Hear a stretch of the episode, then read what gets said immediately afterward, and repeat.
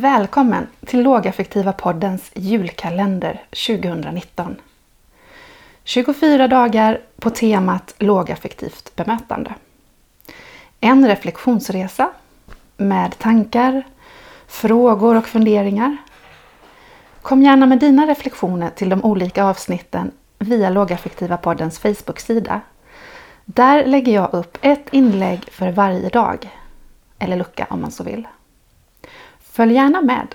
Lågaffektiva podden finns till exempel på iTunes, Acast, Spotify och Soundcloud. Då är det dags att öppna den första luckan i Lågaffektiva poddens julkalender. Och där hittar vi frågan Vad är ett lågaffektivt bemötande?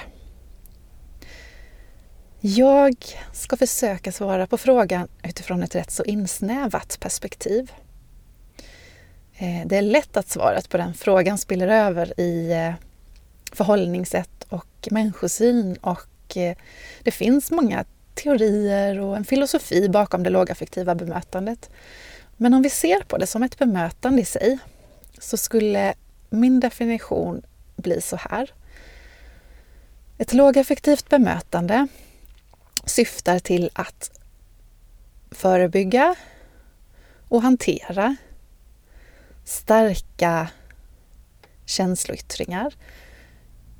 Eh, just utifrån vetskapen om att ett alltför starkt känslopåslag gör att man tappar kontrollen över sig själv och hamnar i kaos.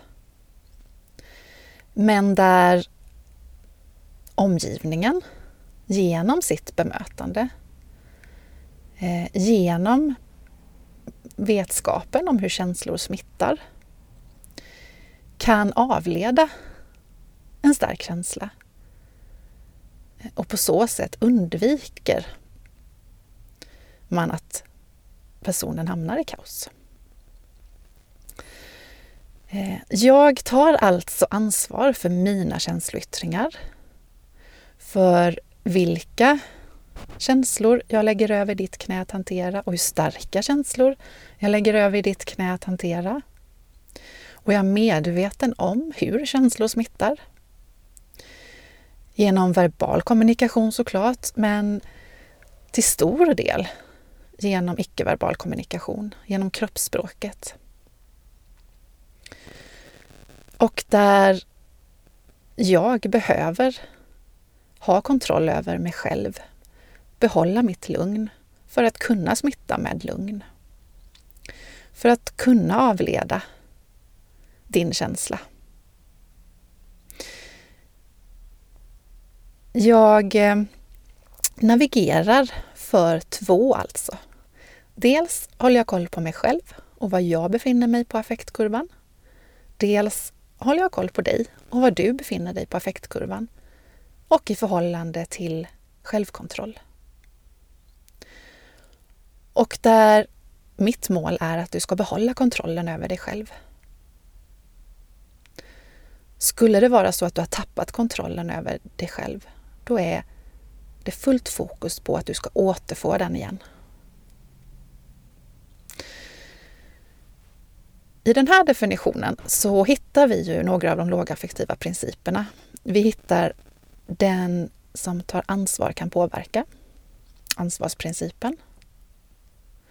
Vi hittar principen om affektsmitta och vi hittar principen om självkontroll. I ett lågaffektivt bemötande så är ju kommunikationen och relationen central.